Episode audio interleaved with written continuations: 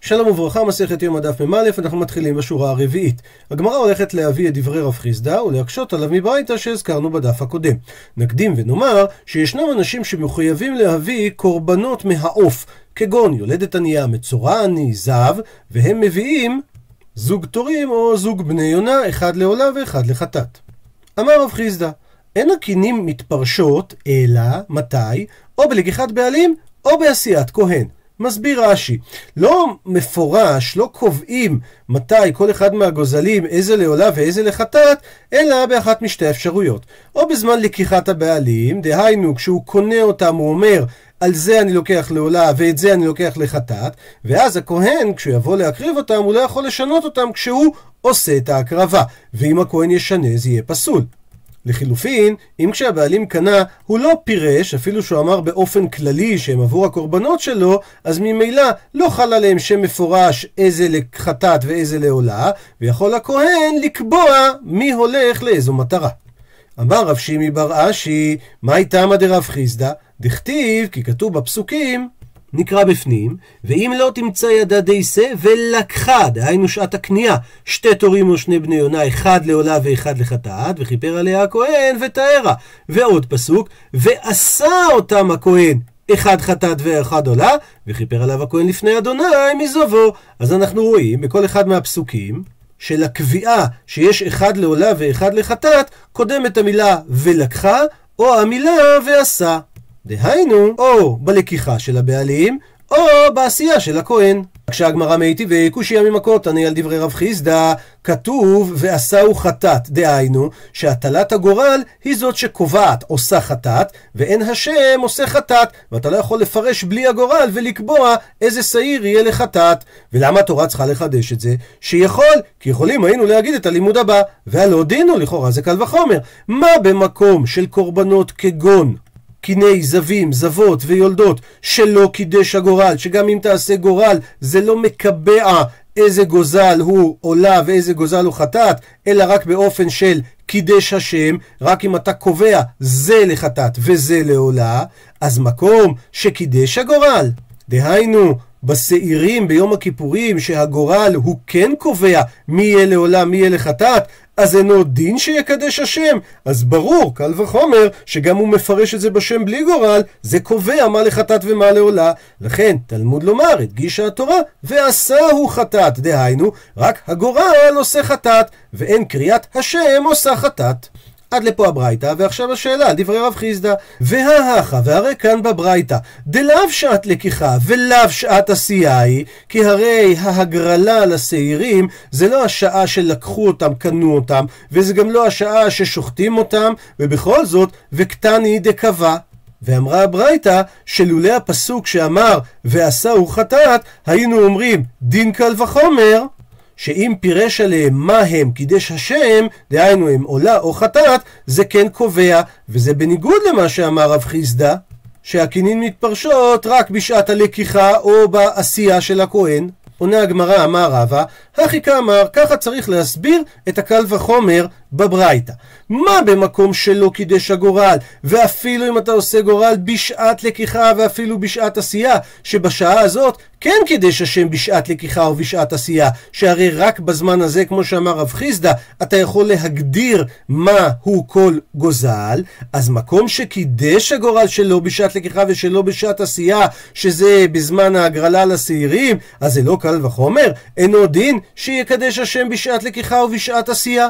ולכן תלמוד לומר, לכן באה התורה ואמרה ועשהו חטאת, שלא תאמר את הקל וחומר הזה, אלא שרק הגורל עושה, קובע את החטאת על השעיר, ואין השם, אין קריאת השם, עושה חטאת, אפילו אם נקרא את השם עליהם בשעת לקיחה או בשעת עשייה. ולכן אין קושייה לפי ההסבר הזה על דברי רב חיסדא. ממשיכה הגמרא תשמע. בוא תשמע עוד קושייה מברייתא על רב חיסדא. מטמא מקדש עני, דהיינו הנכנס למקדש טמא, והוא צריך להביא קורבן עולה ויורד. שמצבו הכלכלי יקבע מה הוא יביא. יש דרגת עשירות, יש דרגת דלות ויש דרגת דלי דלות. אז בגלל שהוא עני, הוא לא יכול להביא קורבן בהמה, אלא והפריש מעות לקינו. הוא הפריש מעות כדי לגנות זוג עופות לקורבן. ואחר כך והעשיר, ואז הוא צריך להביא את לפי המצב של עשירות, דהיינו בהמה, ואחר כך הוא אמר, אלו לחטאתו ואלו לעולתו. דהיינו, אחרי שהוא העשיר, הוא חילק את המעות שהוא הפריש כשהוא היה עני, ואז הוא פירש ואמר, אלו המעות לחטאתו, ואלו המעות לעולתו. אבל בעצם, אין קורבן עני עכשיו עליו חובה, אלא לפי מצבו קורבן עשיר. הרי בקורבן עשיר הוא לא מביא עולה, הוא מביא רק חטאת בהמה. בעצם הוא היה צריך לבוא לבית הדין, ואז בית הדין היו אומרים לו שהוא צריך להביא רק קורבן עשיר. אבל הוא עשה פה טעות. והוא כן פירש ואמר על חלק מהמעות אלו לעולתו. אז אחר כך כשנודע לו שהוא טעה, הוא מוסיף ומביא חובתו מדמי חטאתו. הרי הוא הפריש כסף דמי חטאתו בשווי של עוף, אבל הוא צריך להביא בהמה.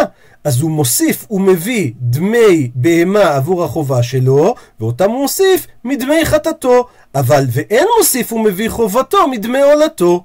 כי הוא לא יכול להביא חטאת בהמה מדמי עולה. הוא לא יכול לשנות את המעות שהוא הפריש וקרא עליהם שם עולה, ולקחת מהם חטאת. עד לפה הברייתא, ועכשיו מדייקת הגמרא.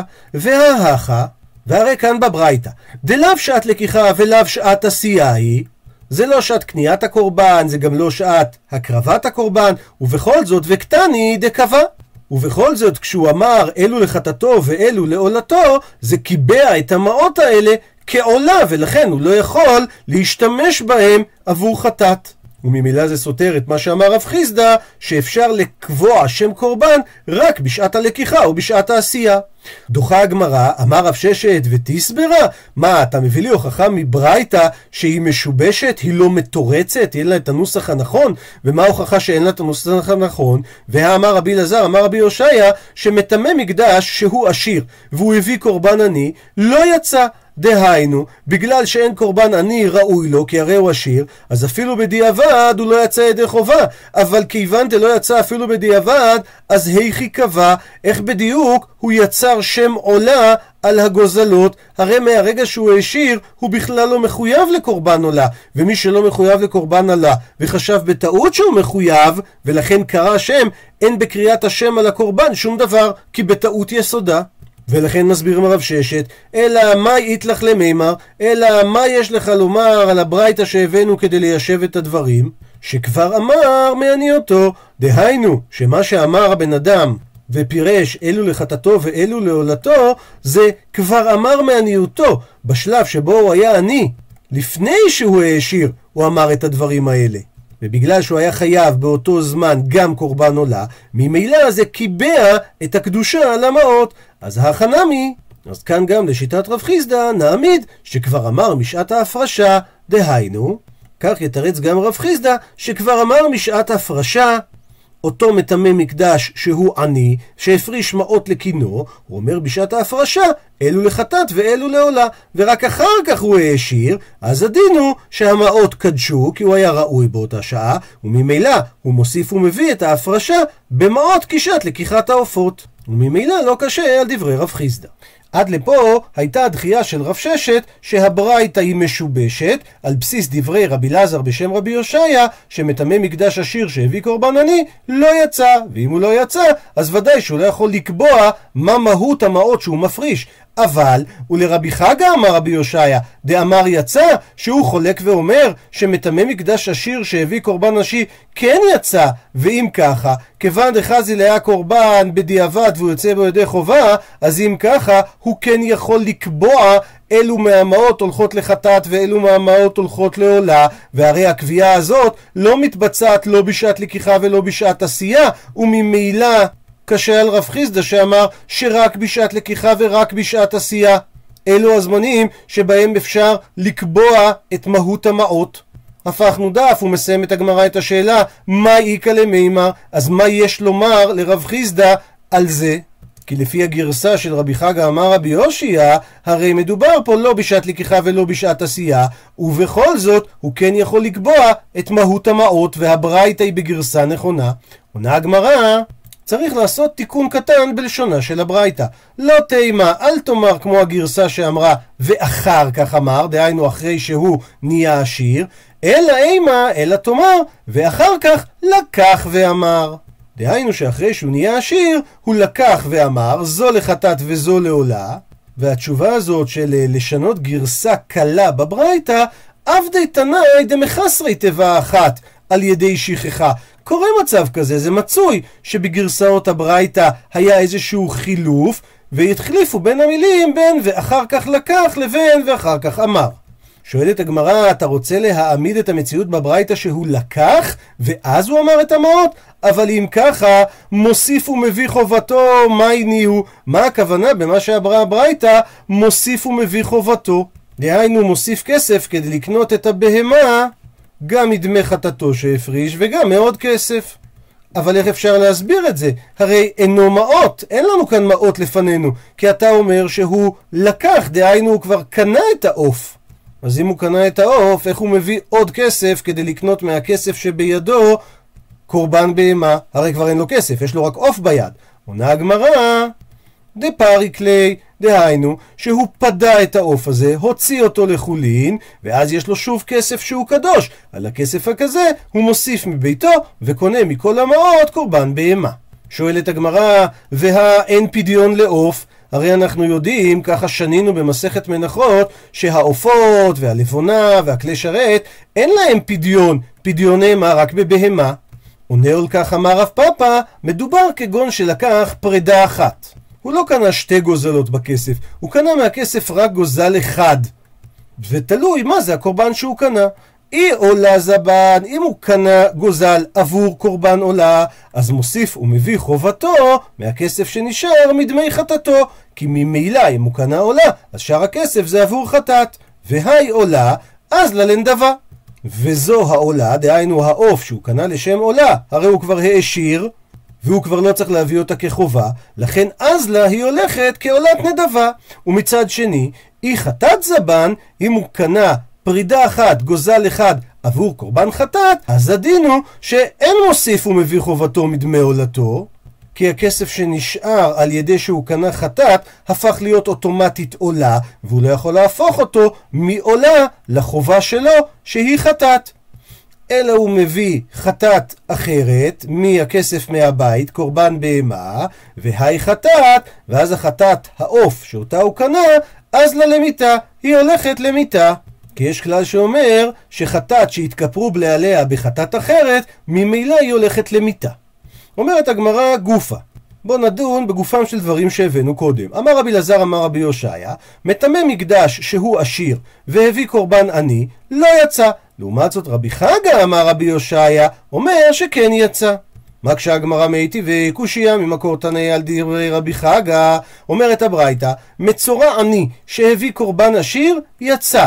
אבל מצורע עשיר שהביא קורבן עני, לא יצא. וזה הפוך ממה שאמר רבי חגה, שמטמא מקדש עשיר שהביא קורבן עני יצא. עונה הגמרא שאני הטם, שונה הדין באופן ספציפי במצורע, דכתיב את המילה זאת, אומר רש"י, על איזה פסוק מדובר, זאת תהיה תורת המצורע. דהיינו, דווקא זאת ולא אחרת. שהדין בקורבנות מצורע, שהם חייבים להיות צמודים לקורבן שקבע להם התורה. שואלת הגמרא, האי כך היא, אם כך, אז רישא נמי. אז גם בראש הברייתא, למה אמרת מצורע עני שהביא קורבן עשיר יצא? הרי לכאורה המילה הזאת הייתה צריכה ללמד אותנו שגם מצורע עני יוצא רק בקורבן שלו, ולא בקורבן עשיר. עונה על כך הגמרא, הרע ברחמנה, ריבתה התורה, את המילה תורת. דהיינו, זאת תהיה תורת המצורע. שיש תורה אחת לכל המצורעים כולם, שכולם יוצאים בקורבן עשיר. והוכחה לדבר, והתניא, ויש ברייתא, רש"י אומר, זה סייעתא, נקרא את זה בניחותא, תורת, לרבות מצורע עני שהביא קורבן עשיר. יכול, אז אולי תאמר, אפילו עשיר שהביא קורבן עני יצא ידי חובה? תלמוד לומר, יש את המיעוט זאת, שעשיר חייב להביא דווקא את הקורבן שהתורה קבעה לו. שואלת הגמרא, ונילף מינה, אז אולי נלמד את אותו טמא מקדש מהדין של מצורע. שאני יוצא בקורבן עשיר, אבל עשיר לא יוצא בקורבן עני. עונה הגמרא, מאת רחמנה, יש לשון של מיעוט בפסוק, ואם דל הוא. שמספיק היה לכתוב ואם דל. המיעוט שמילא הוא, בא להגיד, דווקא מצורע הוא הדין שעשיר שהביא קורבן עני לא יצא. אבל שאר חייבי קורבן עולה ויורד, דהיינו שזה תלוי במצב הכלכלי שלהם, אם עשיר הביא קורבן עני, הוא כן יוצא ידי חובה. עד המשנה. קשר לשון של זהורית בראש שעיר המשתלח, והעמידו כנגד בית שילוחו. הכוונה כנגד השער שמוציאים אותו בו. כי בהתחלה שני השעירים עמדו ופניהם היו לכיוון ההיכל, ועכשיו מסובבים את השעיר שהולך לעזאזל, ומעמידים אותו כשפניו מול שער ניקנור. זה הכוונה כנגד בית שילוחו. ולנשחט, דהיינו השעיר השני, מעמידים כנגד בית שחיטתו. נקדים את המאוחר ונאמר את מסקנת הגמרא שהכוונה כנגד בית שחיטתו על הצוואר של השעיר. בא לו אצל פרעה בפעם השנייה, וסומך שתי ידיו עליו ומתוודה, וכך היה אומר, אנא השם, השם המפורש, חטאתי, אביתי, פשעתי, יש פה גרסה הפוכה במסורת הש"ס, לפניך אני וביתי ובני אהרון הם קדושיך, אנא השם, שוב השם המפורש, כפר נא לעוונות ולפשעים ולחטאים שאביתי ושפשעתי ושחטאתי לפניך, אני וביתי ובני אהרון הם קדושיך, ככתוב בתורת משה עבדיך, כי ביום הזה יכפר עליכם לתאר אתכם מכל חטאותיכם, לפני השם תתארו, והן, דהיינו כל העם שנמצאים באזהרה, כשהם שומעים את השם המפורש, עונים אחריו ברוך שם כבוד מלכותו לעולם ועד, וקוראים על פניהם. שואלת הגמרא, איבאי להו, נשאלה להם שאלה, האם ולנשחט הקשירה קאי או העמדה קאי? האם מה שאמרה המשנה ולנשחט כנגד בית שחיטתו, היא התכוונה שעושים לנשחט כמו קשר לשון של זהורית, אז עושים לו קשר לשון של זהורית כנגד בית שחיטתו, שהוא קושר לו את הלשון של הזהורית כנגד צווארו, או העמדה קאי, או שמה שאמרנו ולנשחט כנגד בית שחיטתו, הכוונה היא שמעמידים אותו כנגד בית שחיטתו, דהיינו עם הפנים לכיוון ההיכל. עונה הגמרא, תשמע בושמע הוכחה. דתני רב יוסף, ששנה רב יוסף ברייתא. קשר לשון של זהורית בראש שעיר המשתלח, והעמידו כנגד בית שילוחו, ולנשחט כנגד בית שחיטתו, ועכשיו נקודת ההוכחה, שהטעם הוא שלא יתערב זה בזה, ולא יתערב באחרים. ואומרת הגמרא, אי אמרת, אם אתה מסביר בשלמה, ונוח לי שתסביר ככה, הקשירה קאי, דהיינו שמה שכתוב, ולנשחט כנגד את שחיטתו, הכוונה היא שהוא קושר לשון של זהורית על הצוואר שלו, אז שפיר. אז אני מבין את הטעמים שכתוב בברייתא, כי ברגע שקשרת לו על הצוואר את הלשון של זהורית, הוא לא מתערב לא עם השעיר השני שאצלו זה קשור בראש, לעומת אצל זה שזה קשור בצוואר, וגם לא בשעירים אחרים, כמו קורבן מוסף, שאלו קשור עליהם לשון של זהורית, לעומת זאת שעירים אחרים לא קשור עליהם לשון של זהורית. אבל, אלא היא אמרת, שמה שאמרה המשנה ולנשחט כנגד בית שחיטתו, הכוונה העמדה קאי, שזה מדבר שמעמידים אותו כנגד ההיכל, אז נהי, אז נאמר, דבחווי לא מהרב. אמנם הוא לא יתערב עם השעיר שהולך לעזאזל. למה? דהי קתרבי, כי בשעיר של לעזאזל קשור בו הלשון של הזהורית, לעומת זאת והי, ועל השעיר של השם, לא קתרבי, לא קשור לשון של זהורית. אז באמת, הטעם הראשון בברייתא שלא יתערב זה בזה, מתקיים. אבל הטעם השני שאמר ולא יתערב באחרים, הרי באחריני, בשעירים אחרים, מי הטמי הרב, הוא כן יתערב, כי אין ביניהם שום הבדל, שהרי גם בו וגם בשעירים אחרים לא קשור הלשון של זהורית, לכן אלא לאו שמע מינה, אלא בהכרח אתה צריך לומר שהלשון של ולנשחט שכתוב במשנה, הקשירה קאי, שמע מינה. זה נדבר על הקשירה של הלשון של הזהורית על בית שחיטתו של השעיר. אמר רבי יצחק, שתי לשונות שמעתי, דהיינו, על שתי לשונות של זהורית שמעתי חילוק ביניהם. אחת זה הלשון של הזהורית של הפרה האדומה שזורקים אותה לתוך שריפת הפרה, ואחת זה הלשון של הזהורית של השעיר המשתלח. אחת מהם צריכה שיעור מינימום, ואחת מהם אינה צריכה שיעור מינימום. אבל, אומר רבי יצחק, ולא ידענה אם הינאיו. אני לא יודע איזה מהלשונות צריכה את השיעור מינימום. אמר רב יוסף, נחזי אנן. בוא נראה אנחנו, של שעיר המשתלח דבאי חלוקה, באי שיעור, הלשון של השעיר המשתלח, שנראה בהמשך מה היה עושה המשלח את השעיר, היה מחלק את הלשון של הזהורית, חציו היה קושר בסלע וחציו קושר בין קרניו, וממילא, אם צריך חלוקה, גם צריך שיעור מינימום כדי שאפשר יהיה לחלק לשניים. לעומת זאת, הלשון של הפרה האדומה, דלא באי חלוקה, אין עניין לחלק אותה, אלא רק שורפים אותה לתוך האש, לא באי שיעור. לא צריך שיעור מינימום.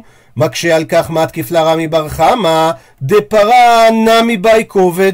הרי גם הלשון של הזהורית בשריפת הפרה היא צריכה להיות כבדה כדי שהיא תיפול לתוך עומק האור ולא שהיא תישרף מהלהבות אם יש לה כמות מאוד קטנה של הזהורית כי הרי כתוב אל תוך שריפת הפרה דהיינו לתוך עומק האש עונה לו, אמר לו רבא, הדין של לשון הפרה צריכה כובד, תנא היא, זה קשור למחלוקת תנאים. ורב יוסף ענה את התשובה שלו לפי התנא שאומר שלשון זהורית של פרה אדומה לא צריכה להיות כבדה. אומרת הגמרא, ודפרה לא באי חלוקה? האם את הלשון זהורית בשריפת הפרה האדומה לא צריך לחלק? הייתי ואביי מקשה אביי. אומרת המשנה במסכת פרה, כיצד הוא עושה? קורחן בשירי לשון. דהיינו, הכהן ששורף את הפרה, כורך את עץ הארז והאזוב בשירי הלשון, ומזה שכתוב שירי, זה אומר שהיה חלק קודם, אז כן יש חלוקה בלשון זהורית בפרה אדומה. עונה הגמרא אימה, תאמר, בזנב לשון, דהיינו, הלשון של הזהורית סרוקה במסרק, והיא נעשית קצרה בקצה שלה, אז שם יש כמין זנב שבו אתה קושר את עץ הארז והאזוב. ממשיכה הגמרא לדון באותו עניין, אמר רבי חנין, אמר רב, עץ ארז ושני תולעת שקלטתן שלהבת כשרה. דהיינו, שהם לא נפלו לתוך שריפת הפרה, לתוך עומק האש, אלא הם נתהבהבו באוויר, שהלהבות שרפו אותם. מה כשהגמרא מאיתי וקושייה ממקור תנאי על דברי האמורה, אמר רבי חנין אמר רב, נתהבהב הלשון, מביא לשון אחר ומקדש. ומקדש הכוונה שהוא צריך לשרוף שם לשון אחרת. אז איך רב חנין אמר רב, אמר שזה כשר? עונה הגמרא אמר אביי, לא קשיא, לא קשה. כאן בקולחת, כאן בנכפפת. במקרה שהאש קולחת, זאת אומרת אש מאוד חזקה, שיש עליה עמוד שלהבת זקוף למעלה, כמו קלח של עשב גבוה, אז צריך להביא לשון אחרת. כי לא יתקיים הפסוק אל תוך שריפת הפרה. לעומת זאת, מה שאמר רבי חנין, שהיא כשרה, זה מדובר בנכפפת, זאת אומרת, אש שהששבת שלה נמוכה וכפופה וסמוכה לגחלת, שבמצב כזה אנחנו כן קוראים את הפסוק אל תוך שריפת הפרה. רבא מביא תשובה אחרת ואומר, כובד תנאי היא. האם צריך או לא צריך כובד בלשון של הזהורית, דהיינו שיעור מינימום, זה מחלוקת תנאים. דתניא ששנינו בברייתא. למה כורחן? כדי שיהיו כולן באגודה אחת. זה דברי רבי. לעומת זאת, רבי אלעזר ברבי שמעון אומר, למה כורחן? כדי שיהיה בהן כובד ויפלו לתוך שריפת הפרה. אז רבי חנין אמר רב, שאמר שעץ ארז ושני תולעת שקלטתן שלהבת כשרה הם כדברי רבי, שכל המטרה זה שיהיו כולם באגודה אחת, שהם יהיו נלקחים בבת אחת, וזה יתקיים גם אם זה נשרף בלהבות ועוד לא הגיע לעומק האש, והברייתא שאמרה שאם נתהבהב הלשון לא יצא ידי חובה וצריך להביא לשון אחרת, זה כדברי רבי אלעזר ברבי שמעון, שאומר שצריך שיהיה בהם כובד ויפלו לתוך שריפת הפרה. עד לכאן דף מ"א.